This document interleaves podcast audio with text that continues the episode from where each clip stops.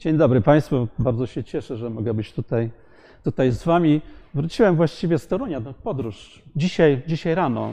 Wczoraj też byłem na konferencji i tak naprawdę, e, Oskar, to przyszła konferencja może być tym, o tym, o czym mówiliśmy w Toruniu. To znaczy zamiast mnie, to tu może chat GPT stanie i powie to samo, co ja miałbym powiedzieć, bo tak naprawdę będę mówił o zupełnie klasycznym problemie.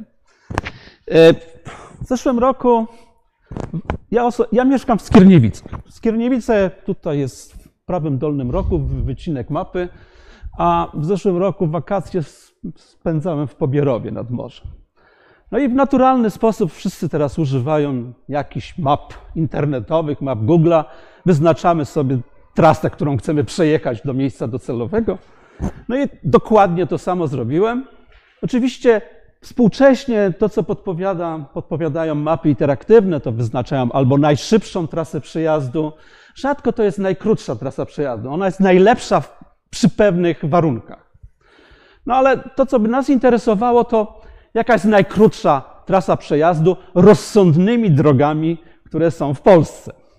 Jak Państwo wiedzą, e, środek Polski z północno-zachodnią Polską nie jest łatwo połączyć, bo e, jak Państwo się do Pobierowa, jak się jedzie? Najszybciej. Proszę? No oczywiście, przez Szczecin się jedzie najszybciej, tak? Się jedzie do Gorzowa Wielkopolskiego, do Świnoujścia i potem, potem nad morzem. No to nie jest trasa najkrótsza, bo to, co mówi Google, to że ta trasa najkrótsza to mniej więcej tak będzie przebiegała jak ta niebieska linia. On tutaj podał jeszcze kilka alternatywnych tras, no i długość tej trasy wynosi 504 km. I to, o jakim problemie teraz byśmy chcieli mówić, no to właśnie taki problem z życia wzięty. Mamy mapę, mamy dwa miejsca na mapie, mamy jakąś sieć drogową i chcemy znaleźć najkrótszą trasę pomiędzy dwoma miastami na tej, na tej trasie. No, powszechnie teraz problem jest rozwiązany, a my używamy powszechnie map interaktywnych i widać, że coś za tym stoi. No ktoś musi tą trasę wyznaczyć, ktoś musi ją policzyć. Tak? W tej chwili za nas robi to komputer, ale nadal uważamy, że komputer, mimo że mówimy o jakiejś sztucznej inteligencji, to jest dosyć głupie urządzenie. On wykonuje tylko to, co mu zlecimy. Jednym słowem, to obliczenie odbywa się za pomocą tak zwanego algorytmu. Tak? My musimy podać przepis, w jaki sposób ta najkrótsza trasa zostanie wyznaczona. No i teraz już mamy taki problem troszeczkę informatyczny. To jest sformułowanie problemu, to jest to, z czym się spotyka taki informatyk zawodowy. No przychodzi klient i mówi, no napisz mi pan taki program, który będzie obliczał trasę na mapie. Patrzymy na tą mapę jako informatycy, to co pierwsze robimy? No mieć taki model, który będzie rozumiał komputer. No oczywiście można sobie wyobrazić, że on spojrzy na tą mapę, zrobi z tego jakiś obraz, no i wyciągnie tę informację, no ale na końcu musimy mieć jakąś reprezentację tą mapy, jakąś reprezentację abstrakcyjną. Ale tak naprawdę jako informatycy my chcemy także dobrze sformułować ten problem. Tak? W informatyce mówimy wyspecyfikować ten problem. Co my tak naprawdę mamy na wejściu, co my tak naprawdę chcemy otrzymać. No to w naturalny sposób, co reprezentuje taką mapę? No większość tutaj na sali, takie są znajome twarze, no wiedzą, że to będzie graf. Tak? Bardzo prosta struktura kombinatoryczna, gdzie z naszego punktu widzenia te miasta to będą te, te kółka w tym grafie, inaczej wierzchołki bądź węzły grafu. Bezpośrednie połączenia drogowe między dwoma miastami albo między skrzyżowaniami dróg no, reprezentują tutaj odcinki, tak zwane krawędzie grafu. No co my wiemy o takiej bezpośredniej drodze między dwoma miastami? No, znamy jej długość, czyli wiemy, jaka jest odległość między dwoma sąsiednimi miastami na mapie. Czyli my reprezentujemy naszą mapę za pomocą grafu, gdzie każdej krawędzi mamy przypisaną wagę. No w naszym przypadku to jest długość. Ważne jest to, że ta waga będzie jakąś liczbą. Możemy przyjąć, że to jest liczba całkowita, że mierzymy tych w kilometrach i tam nie zaokrąglamy do części całkowitej. Ważne jest to, że te wagi są nieujemne. Tak? Się za chwilę okaże. One są nieujemne, a właściwie jak mówimy o odległościach, to są dodatnie. No i teraz Mówimy, mamy taki graf, mamy wyznaczone dwa punkty na mapie. Punkt startowy, Skierniewice, z którego chciałem dojechać. Punkt końcowy, Pobierowo. No i chcę znaleźć najkrótszą drogę na mapie między tymi dwoma punktami. Co to jest droga? No startuję stąd, mogę przechodzić po krawędziach, tak, przez węzły tego grafu i chcę trafić do tego punktu docelowego. No widać, że do tego punktu docelowego mogę trafić na wiele różnych sposobów. To jest jeden sposób. To jest inny sposób, a nas interesuje najkrótsza droga. Tak? Co to jest długość tej drogi? No to jest suma długości krawędzi na tej drodze. No to mamy już wyspecyfikowane zadanie. To nie jest jeszcze zadanie, to nie jest jeszcze specyfikacja dobra do implementacji. To o tym jeszcze sobie powiemy, ale z punktu widzenia matematycznego, mieliśmy matematyka na, na początku, to już jest bardzo dobra specyfikacja. Tak? Mamy pewien model matematyczny, bardzo precyzyjny i wiemy, co chcemy w tym modelu znaleźć. Ten prosty problem, jakbyśmy za chwilę będziemy go rozwiązywać wspólnie, niech mi Państwo wierzą, że Państwo by rozwiązali to zadanie, podali algorytm obliczenia tej najkrótszej trasy. Jak troszeczkę byśmy pomyśleli. Natomiast pierwszym, który rozwiązał ten problem, jest. Sprawdzałem, jak się wymawia. Ja dobrze nie wymówię po niderlandzku. Dijkstra to się mówi Dijkstra albo jakoś tak, a my mówimy Dijkstra tak naprawdę. E, Edgar Dijkstra, no niestety już nie żyje, umarł w 2002 roku. No pytanie na tej sali, kto nie słyszał o Dijkstrze? Są osoby, które nie słyszały. No, większość słyszała o Dijkstrze. To jest wybitny informatyk, no w szczególności w informatyce są takie informatyczne Noble, czyli nagrody Turinga. I Dijkstra jest laureatem nagrody Turinga z 1972 roku. Już bardzo ważne. Jeżeli ktoś z Was pójdzie na studia informatyczne, a wszystkich zapraszam, to się dowie nie tylko o algorytmie, którym, który właśnie rozwiązał problem, któryśmy wyspecyfikowali, ale dowie się, że tak naprawdę na systemach operacyjnych będzie mówił o synchronizacji, będą semafory Dijkstry. Będzie się uczył programowania, dowie się o programowaniu strukturalnym, no to dowie się o Dijkstrze. No i dowie się także taka wieczna walka między informatykami, czy w języku programowania konstrukcja GoTo jest potrzebna, czy nie jest potrzebna. No i Dijkstra uważał, że nie. Inny wielki informatyk Donald Knuth uważał, że nie ma nic złego w używaniu GoTo. Co jest ciekawe, za chwilę powiem o tym, o tym algorytmie Dijkstry, ale co jest ciekawe, jak on dochodził do tego algorytmu. Proszę Państwa, to jest fragment z jego wspomnień, w którym on pisze, w jaki sposób ten algorytm powstał w jego głowie. Jeśli Państwo sobie myślą, że on po prostu przyszedł klient do niego, algorytm powstał w latach 60. i chciał, żeby Dijkstra taki znalazł rozwiązanie dla tego problemu, to, to nie. To jest coś takiego, to co my tutaj robimy. Znaczy nie, nie, nie, to bym chyba obraził moją publikę. Mianowicie Dijkstra w tym okresie, w latach 50., pracował w dużym ośrodku obliczeniowym w Holandii. No wtedy duży ośrodek obliczeniowy to wiadomo, że jest małe.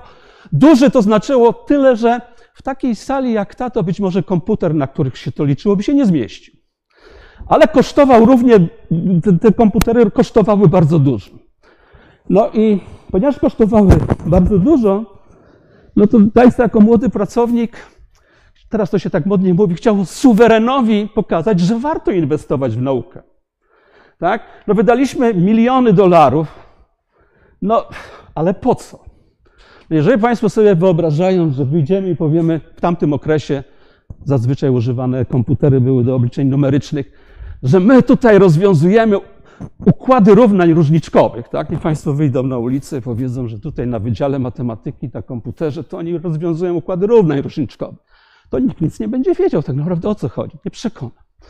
No Dijkstra właśnie wymyślił, że on pokaże program, który będzie liczył właśnie taką najkrótszą drogę między dwoma miastami w Holandii. Zakodował mapę w, e, zakodował mapę w Holandii e, i napisał program, który znajdował najdłuższą drogę między Rotterdamem a Greningiem. No, zakodował to jest naprawdę w tamtym okresie ważna rzecz, bo on na tej mapie umieścił tylko 64 miasta. Jak Państwu się wydają, dlaczego 64 miasta tylko wziął? Taką... Bo pamięć była mała. Tak? tak naprawdę identyfikatory miast trzeba było kodować w bitach. No, on mógł przeznaczyć tylko 6 bitów na, na, na zakodowanie identyfikatora miasta. Tak? Stąd zakodował 64, 64 miasta i napisał program. No, ciekawostka jeszcze jest taka, gdzie on ten program napisał, ile mu to czasu zajęło. No tam na tym dłuższym fragmencie to będzie dostępne pewnie, te, te slajdy Państwo przeczytają. No zmęczył się chodzeniem z narzuceniem, z narzeczoną po centrum handlowym, siedli na kawę, 20 minut zajęło mu wymyślenie tego algorytmu, który powszechnie jest teraz znany algorytmem Dijkstry. E, algorytm został opublikowany, tak? powstała praca naukowa, jak ja tęsknię za tamtymi czasami. Proszę Państwa, to jest praca naukowa dotycząca algorytmu Dijkstry, która się składa z de facto z dwóch stron, bo na końcu tam jest tylko końcówka. Tak? Oryginalna praca Dijkstry składająca się z dwóch stron, wbrew pozorom tu są dwa algorytmy. Tu są dwa problemy rozwiązane. E, no ci, którzy troszeczkę siedzą głębiej w teorii, w teorii grafów, no to wiedzą, że tą samą metodą w pewnym sensie można rozwiązać tak zwany problem minimalnego drzewa rozpinającego. E, I tu są te dwa algorytmy opisane. Tak z punktu widzenia, jak będziecie myśleli, myśleli potem o nauce, no troszeczkę świat się zmienił. Zobaczcie, że w tamtym czasie wystarczyło zdefiniować problem, który był dla nas ciekawy i go rozwiązać. Jakbyście teraz popatrzyli na prace naukowe, to byście na początku zobaczyli cztery strony uzasadnienia, dlaczego to jest ważne. Tak? Z mojego punktu widzenia jeszcze podsumowanie jest fajne, gdzie nie dokonywał analizy złożoności obliczeniowej, tak naprawdę takiej teoretycznej. No, napisał, że no, mój problem jest, moje rozwiązanie jest lepsze, bo się lepiej zachowuje od innego algorytmu, gdzie potwierdziłem to w praktyce. Proszę Państwa, ta praca w tej chwili jest najbardziej cytowaną z dotychczas jeszcze pracą Dijkstra, jak Państwo widzą. To jest, to całkiem świeżo to wziąłem, a 2022 rok ponad 33 tysiące e, cytowań. I oczywiście okazało się, że ten rozwiązanie zaproponowane od dlaczego ono jest tak, tak cytowana często? No po pierwsze, to jest oryginalne rozwiązanie, które wykorzystujemy w mapach interaktywnych. Oczywiście teraz jest dużo więcej nałożone, bo jak Państwo widzą, te mapy, te, te odległości są liczone często w czasie rzeczywistym. Tak? Uwzględniane jest na przykład, czy jest korek na drodze, czy nie. Coś jest do tego nałożone, ale u podstaw leży ten jego algorytm. Ale okazuje się, że ten algorytm, jego algorytm, taki abstrakcyjny, do którego za chwilę dojdziemy, no znalazł przyczynił się do rozwoju generalnie informatyki. Tak? Czasami jest tak, że bardzo, no tak jak Snake, no widać, że tutaj się mógł przy, przyczynić, nie wiem, do rozwoju topologii albo geometrii. No ten, zobaczmy, ile różnych problemów można było z tego wyciągnąć. Nie sądzę, że Snake był akurat podstawą, podstawą tego, ale algorytm Dijkstra był autentycznie podstawą rozwoju wielu dziedzin, no powiedziałbym bardziej algorytmiki niż ogólnie informatyki. No dobrze. To jak działa ten algorytm? Chcemy znaleźć najkrótszą drogę z, S, z tego z S do E. Algorytm Dijkstra działa w ten sposób, że mówimy, no to my będziemy liczyli najkrótsze odległości do wszystkich, do wszystkich węzłów. No gdzieś po drodze będzie to E. Ale w jakiej kolejności? W kolejności rosnących odległości. Tak? Czyli najpierw weźmiemy miasto, które leży najbliżej źródła, potem kolejne miasto, które będzie leżało najbliżej źródła. No to jeżeli popatrzymy na mapę, to które miasto, dla którego miasta możemy wprost powiedzieć, jaka jest najbliższa odległość do, do, do, do tego punktu startowego? No to musi być któreś z tych miast, które sąsiaduje z S i dla którego ta odległość jest najkrótsza. No to, to są, sąsiadują z S, tutaj u góry napisałem, jaka, ile wynosi ta odległość. No który trzeba wziąć? Trzeba wziąć A. Czyli mamy SA już policzone. To teraz, który będzie kolejny? No, który będzie kolejny? No to na pewno musi być któreś z miast, które sąsiadują z tymi, dla których już policzyliśmy. Tak? Bo nasza droga tak będzie prowadziła, że ona będzie gdzieś tam szła, a w pewnym momencie wpadniemy na któryś z tych żółtych wierzchołków i pójdziemy już najkrótszą drogą. No to który trzeba teraz wybrać? No to trzeba popatrzeć tylko na wierzchołki, które sąsiadują z tymi żółtymi. Dla każdego z nich policzyć taką, taką odległość, drogę, którego długość ile wynosi? W jednym kroku idę do żółtego wierzchołka, a potem już biegnę sobie do najkrótszą drogą do źródła. No to to ja sobie wypisałem takie odległości. No to który tu teraz wyjdziemy? Mamy B. B widać, że jest najmniej, tak? 4. No to kolejny jest B.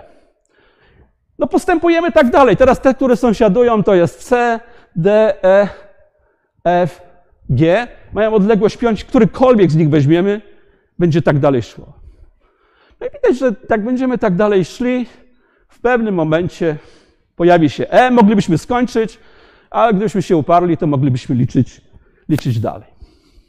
Tak wszyscy zrozumieli ten. Naprawdę, jakbyśmy sobie rozrysowali, dyskutowali, to byśmy wymyślili. No ale teraz to, co podał Dijkstra, to tak naprawdę ja często nazywam, że to nie jest do końca algorytm, bo to jest schemat Dijkstra. Tak, algorytm to byśmy jeszcze chcieli coś wiedzieć o implementacji. Nie pilnuj, czy, ja, czy jeszcze mam trochę czasu. E, proszę Państwa, to jest oryginalny slajd z mojego wykładu dla studentów. Ja bardzo, bardzo przepraszam, ale on się bardzo łatwo tłumaczy. Bo jakby obliczamy te odległości, to co oznacza ten zbiór L? To są to węzły, dla których odległości już mam policzone. Tak? Co oznacza ten R? To są te odległości, te miasta, które są dalej odległe niż te węzły z L. Jeszcze dla nich nie mam podliczone. No, wśród tych wybieram te, które sąsiadują z tym zbiorem L, powiedziałem, tak? Teraz dla każdego z nich znam odległość od tego źródła taką, że jedną krawędzią idę tutaj, a potem lecę do, do źródła. No to spośród nich wybieram ten, dla którego ta odległość jest najmniejsza. Dlaczego tylko na tych możesz, mogę się skoncentrować? No to jest tak jak w matematyce. Zrobiliśmy jakieś założenie i to założenie, pytanie, czy jest gdzieś wykorzystane. Jakie zrobiliśmy założenie? Że wagi są nieujemne. Dla nas weźmy, że dodatnie. No to zauważmy, że dla każdego wierzchołka który nie sąsiaduje bezpośrednio z tymi wierzchołkami, więc węzłami, które są, dla których odległości są już policzone najkrótsze, to żeby się tu dostać, to ja muszę przejść przez tą niebieską barierę. No ale żeby dostać się do niebieskiej bariery, no to pokonuję drogę, która ma długość dodatnią. No a potem muszę stąd pójść tutaj. No to wiadomo, że z wierzchołka z niebieskiej bariery będzie szybciej, będzie bliżej. Tak? Czyli mogę się tylko na nich skoncentrować. Cały algorytm, właściwie cały dowód mamy. A to jest algorytm. To jest, to jest jakaś inicjacja, a tutaj mamy taką główną pętlę. Dopóki mamy jeszcze węzły, dla których warto coś policzyć, ten zbiór prawy jest jeszcze nie, e, jeszcze są tam węzły, nie, nie przeszły do zbioru e, L, wybierzamy wierzchołek R o najmniejszej takiej wadze W'. Waga W' to jest właśnie taka, że w jednym kroku idziemy do L, a potem najkrótszą drogą te, które się nie łączą zbiorem, ze zbiorem L, tą wagę W' mają takie umowne plus nieskończoność. Bierzemy taki wierzchołek o najmniejszej wadze, zabieramy go stamtąd, przesuwamy go do L.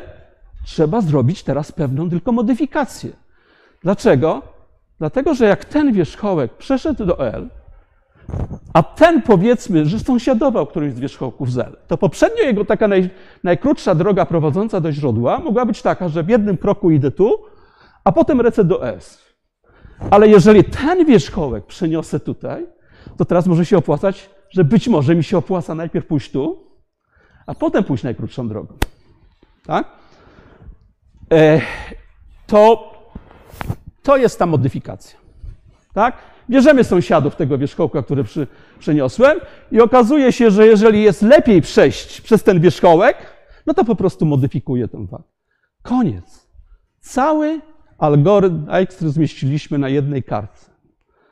No, to teraz przejdźmy trochę do informatyki. Tak króciutko. Nie, bardzo dobre pytania tutaj zadają, tak? E, przejdźmy trochę do informatyki. Czy to już jest coś, co możemy uruchomić na komputerze? Prawie. No, można powiedzieć, że to jest taki bardzo wysokopoziomowy język. No, to teraz zaczynam się zastanawiać.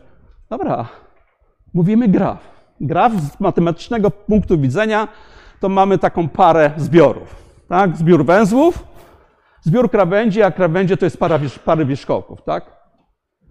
Ale to, to z punktu widzenia informatycznego jest jeszcze za mało. Czyli musimy zdefiniować, podać w jaki sposób reprezentujemy graf w komputerze. No jest wiele różnych sposobów, ale można to zrobić, tak? Czy to jest jedno rozwiązanie? To, co jest piękne w tym algorytmie, że on jest napisany w abstrakcyjny sposób, tak? Że my mówimy, że operujemy na zbiorach matematycznych, tak? Na zbiorze L i na zbiorze R. I teraz z abstrakcyjnego punktu widzenia my chcemy powiedzieć, a tak naprawdę na jakie operacje na zbiorze R my wykonujemy, bo ten R jest najważniejszy. Co jest w zbiorze R? Tak jakbyśmy zapomnieli o algorytmie Dijkstra. Musimy powiedzieć tak. W zbiorze R mam obiekty, z którym każdym obiektem jest związana waga. Waga jest dodatnią liczbą całkowitą. Co chcę znaleźć w zbiorze R? Znajdź obiekt o najmniejszej wadze. Już kończę. Znajdź obiekt o najmniejszej wadze. Tak? Pierwsza operacja. Co potem chcę zrobić? Zabrać ten obiekt ze zbioru N. Usuń obiekt o najmniejszej wadze ze zbioru R. A co potem jeszcze chcę zrobić? Powiedzieć, że niektóre obiekty w zbiorze R będą miały zmniejszoną wagę. Tak? To po angielsku się my często używamy, to jest tak. E, ojej, jak my to używamy? No zmniejsz wagę. Dobra, nie będę teraz szukał. Zmniejsz wagę, tak? Trzy obiekty. No i teraz zobaczmy, że jeżeli ja sobie tak zdefiniowałem problem, to ja sobie mogę zapomnieć o algorytmie, to często robimy, dokonujemy abstrakcji i pytamy się o strukturę danych. Ta struktura danych, o której tutaj mówiłem, ma swoją nazwę w algorytmice. To jest kolejka priorytetowa. I teraz mogę wziąć dowolną kolejkę priorytetową, gdzie te operacje są zdefiniowane i w zależności od tego, jak one są zdefiniowane, jak szybko są wykonywane, tak szybko będzie działał algorytm Dijkstra. Czyli wpływ na algorytmu Dijkstra na rozwój struktur danych. Kolejek priorytetowych mamy multum. Ale jest jeszcze ciekawa koncepcja. Zauważmy, że tu wykonujemy wiele operacji na zbiorze R, bo to będzie się wielokrotnie powtarzało, tak? Bo węzeł, który jest w zbiorze R, może być sąsiadem wielu wierzchołków, które przejdą do zbioru R. Za każdym razem zmniejszamy mu wagę. Być może. Mamy bardzo wiele operacji zmniejszania takiej wagi. Taki mamy tak naprawdę ciąg operacji. Jeżeli teraz wykonujecie ciąg operacji, to często algorytmicy mówią, no skupmy się na jednej operacji, tak? Starajmy się, żeby ta operacja była szybko wykonana. Ale czy to jest naszym celem? Nie. My chcemy wykonać cały ciąg operacji szybko. Być może jedną zrobimy w takim koszcie, inną w takim koszcie, ale chcemy, żeby wszystko się zamortyzowało do takiego ładnego kosztu. I tu powstaje kolejne pojęcie kosztu zamortyzowanego, który wychodzi z algorytmu Dijkstra. Czyli jednym słowem, kolejka priorytetowa, implementacja grafu, amortyzacja, wszystkie te koncepcje z jednego algorytmu. Jeżeli studenci się czasami pytają, a po co my studentów uczymy konkretnych algorytmów? Nie uczymy konkretnych algorytmów dla algorytmów, tak, żeby oni wiedzieli, jak działa algorytm Dijkstra i żeby potem deklamowali mi, tak, powtórzyli mi, co ja pisałem na slajdzie. Nie. Sprzedajemy koncepcję za pomocą rozsądnej ilustracji. No i tego po prostu każdemu życzę. A, no chat GPT na końcu. No zapytałem go, mówię, zobaczcie jak personalizujemy, ja już z nim na ty jestem, tak? Mówię, no słuchaj, no powiedz, co ty uważasz, jak jest 10 takich najważniejszych algorytmów na świecie?